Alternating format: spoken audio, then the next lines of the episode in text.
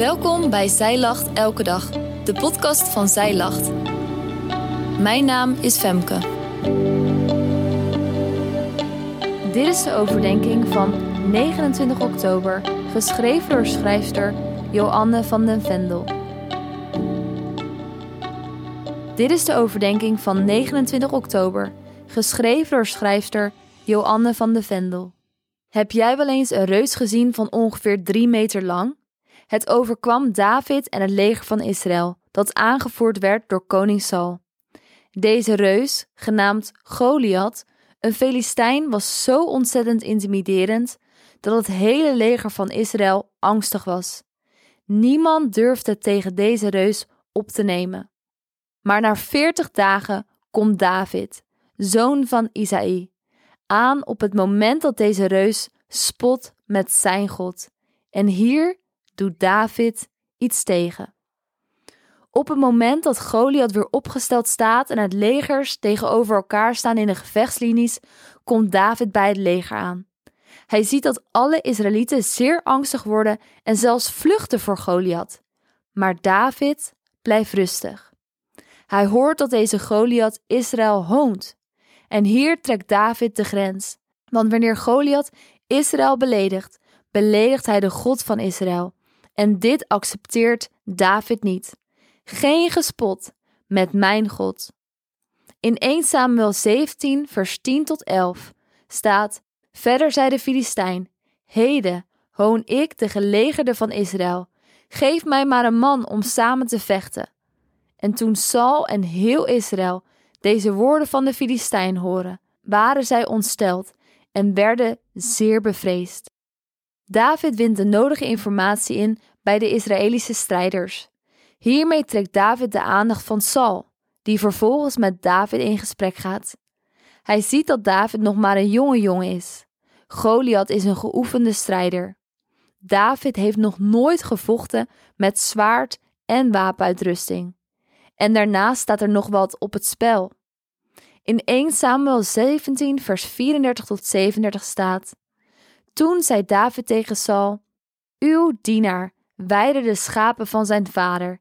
En er kwam een leeuw of een beer die een schaap van de kudde wegnam, dan ging ik daar achteraan.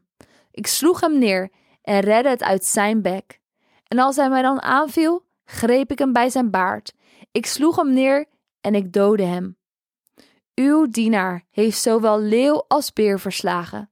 Zo zal deze onbesneden Filistijn zijn als een van hem, omdat hij de geleerde van de levende God gehoond heeft. Verder zei David: De Heere, die mij uit de klauwen van de leeuw gered heeft en uit de klauwen van de beer, die zal mij redden uit de hand van deze Filistijn. Toen zei Saul tegen David: Ga heen, de Heere zijn met je. En in vers 40 daar staat: Hij nam zijn staf in zijn hand. Hij koos voor zich vijf gladde stenen uit de beek en legde ze in de herderstas die hij had, te weten in de zak, en zijn slinger was in zijn hand. Zo naderde hij de Filistijn. David noemt God de levende God, de bron van zijn kracht, dus geen gespot met God. Hij kent God en in zijn naam neemt David het op tegen reus Goliath.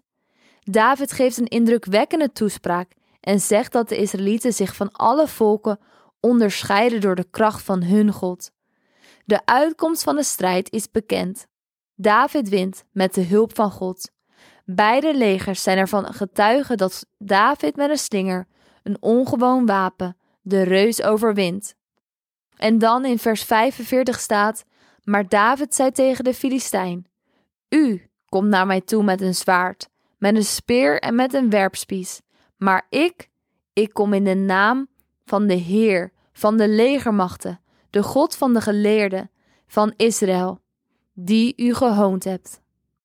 En dan in vers 47 staat: En deze hele gemeente zal weten dat de Heere niet door zwaard of door speer verlost, want de strijd is van de Heere.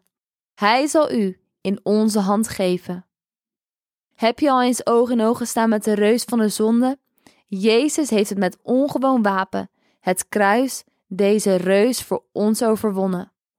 En in 2 Korinthe 5 vers 21 staat: Want hem die geen zonde gekend heeft, heeft hij voor ons tot zonde gemaakt, opdat wij zouden worden gerechtigheid van God in hem. Geloof je dat God zijn zoon gestuurd heeft om jou te bevrijden van deze reus? De reus van de zonde spot met God, maar God heeft hem in Jezus verslagen, omdat hij van jou houdt.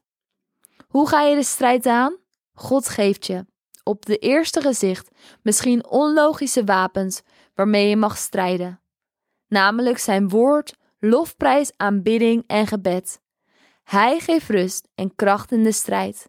Ga net als David de strijd aan, in geloof dat de levende God jou zal redden.